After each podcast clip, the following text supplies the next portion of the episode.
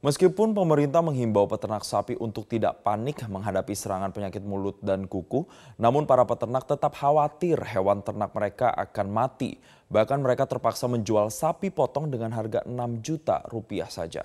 Dan berikut liputan Anwar Fuadi dan juru kamera Fikri Alfadin dari Sidoarjo, Jawa Timur. Ya pemirsa, merebaknya kasus penyakit mulut dan kuku yang menyerang hewan ternak di berbagai daerah di Indonesia termasuk di Jawa Timur. Ini membuat para peternak khawatir. Mereka khawatir sapi mereka akan mati sehingga menimbulkan kerugian ekonomi bagi mereka. Dan tentunya ini juga yang terus disampaikan oleh pemerintah bahwa uh, peternak tidak perlu khawatir karena angka kematiannya sangat rendah. Tapi kembali lagi, tentunya kerugian ekonomi tidak sedikit yang akan ditanggung oleh para peternak jika hewan ternak mereka mati. Saat ini saya sudah berada di peternakan yang berada di Desa Gagang Kepusari, Sidoarjo, Jawa Timur, untuk berbincang dengan salah seorang peternak terkait dengan kondisi hewan ternaknya pasca serangan PMK ini. Di sini sudah ada Pak Mustafa.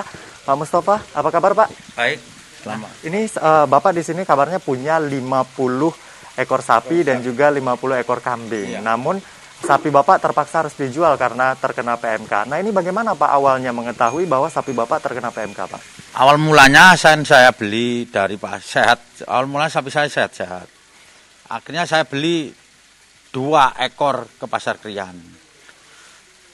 Pak Eden bagus, sudah bawa pulang. Empat hari sapi saya yang baru itu sakit. Akhirnya saya panggilkan Pak Mantri. Pak Mantri tolong disuntik sapi saya ini.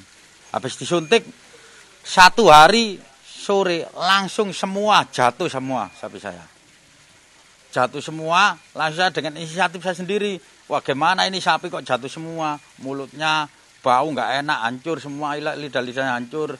Akhirnya inisiatif saya kasih ramuan kunyit, gula batok, sama jeruk nipis, sama telur. Itu saya blender, saya blender, akhirnya saya kasih telurnya satu sapi minimal kalau sapi kecil lima telur, kalau besar seperti itu sepuluh telur. Nah itu saya masukkan, akhirnya berlama bagus mau makan. Kalau nggak dibersihkan mulutnya nggak mau makan, wong dia busuk. Akhirnya saya bersihkan dulu, baru nanti kasih balsem. Balsem apa hidungnya dikasih. Nah itu baru dijuju mau dia.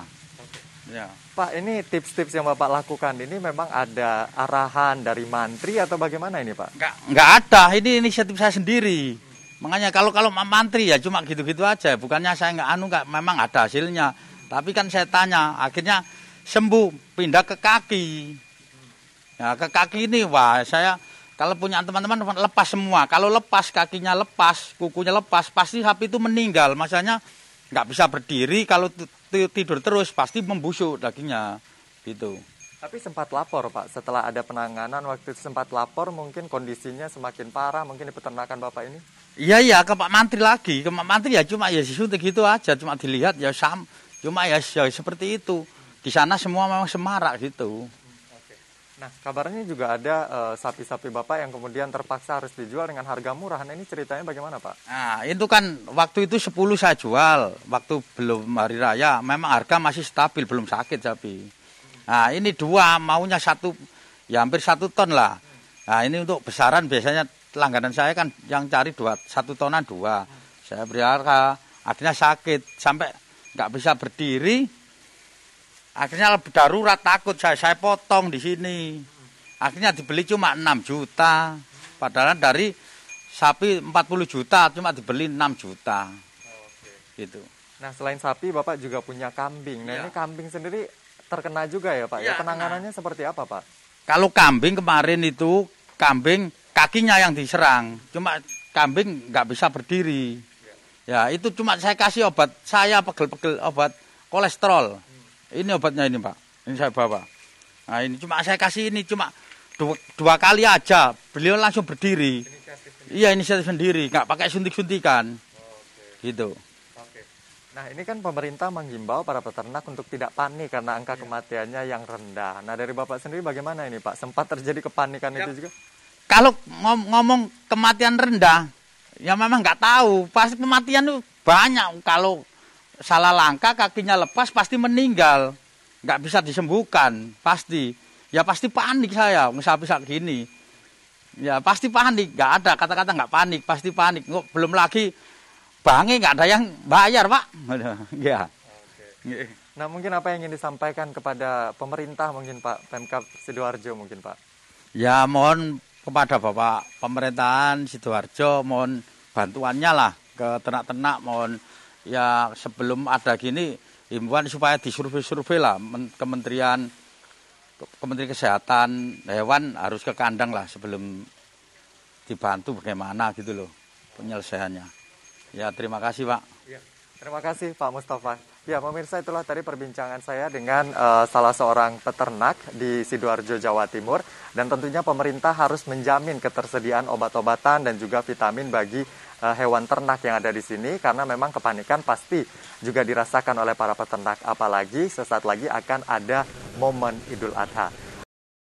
Kita ke informasi lain guna mengantisipasi merebaknya penyakit mulut dan kuku di sejumlah daerah.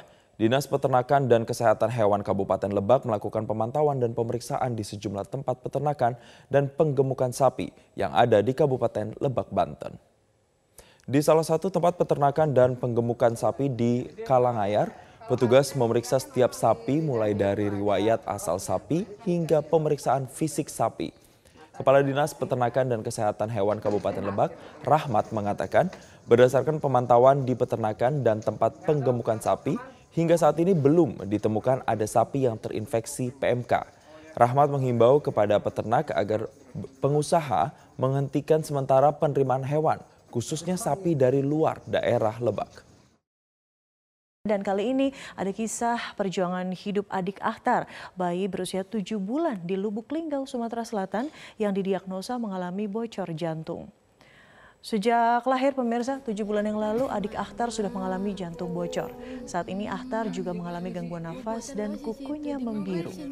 Orang tua adik Akhtar telah mengunjungi tiga rumah sakit di Lubuk Linggau, Sumatera Selatan, namun semua belum sanggup untuk mengobatinya karena alat medis di sini dirasa kurang lengkap.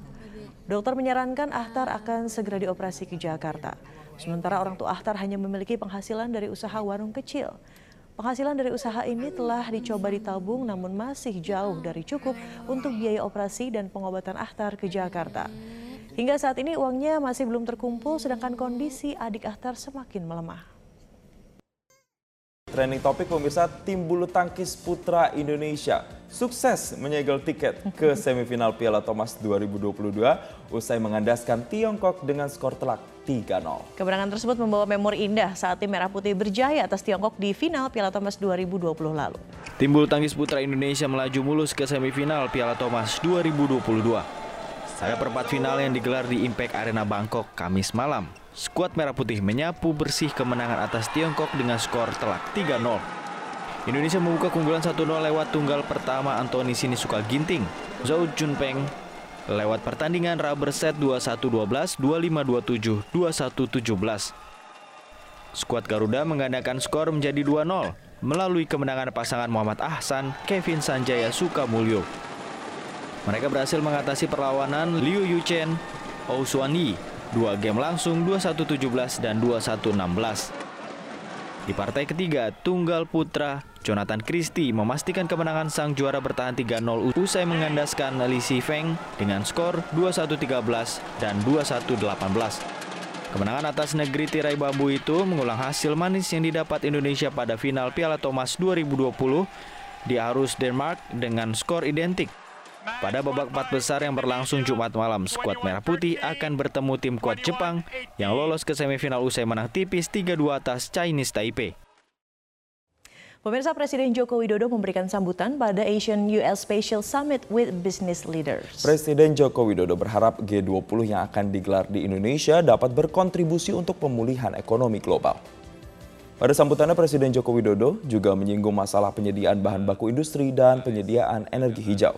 Transformasi barang tambang juga akan menjadi tulang punggung energi baru terbarukan, termasuk baterai litium dan mobil listrik. Presiden Jokowi juga mengungkapkan jika produksi barang-barang penting akan dihasilkan dari pembangkit listrik yang ramah lingkungan.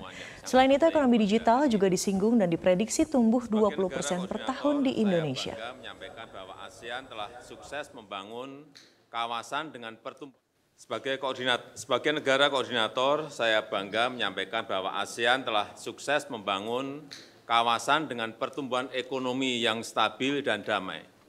PDB ASEAN kini telah mencapai 3,3 triliun US dollar. Namun ASEAN harus bekerja keras untuk lebih bisa menikmati rantai nilai global agar mampu menaiki tangga kemajuan. Sebagai Presiden G20, Indonesia juga ingin memastikan agar G20 dapat bekerja sebagai katalisator pemulihan ekonomi global, terutama bagi kemajuan negara-negara berkembang. Semua ini membutuhkan kemitraan yang erat antara pemerintah dengan komunitas bisnis. Dan saya berharap para CEO perusahaan-perusahaan besar Amerika dapat membangun kerjasama yang konkret di G20 dan kerjasama dengan ASEAN, khususnya dengan Indonesia.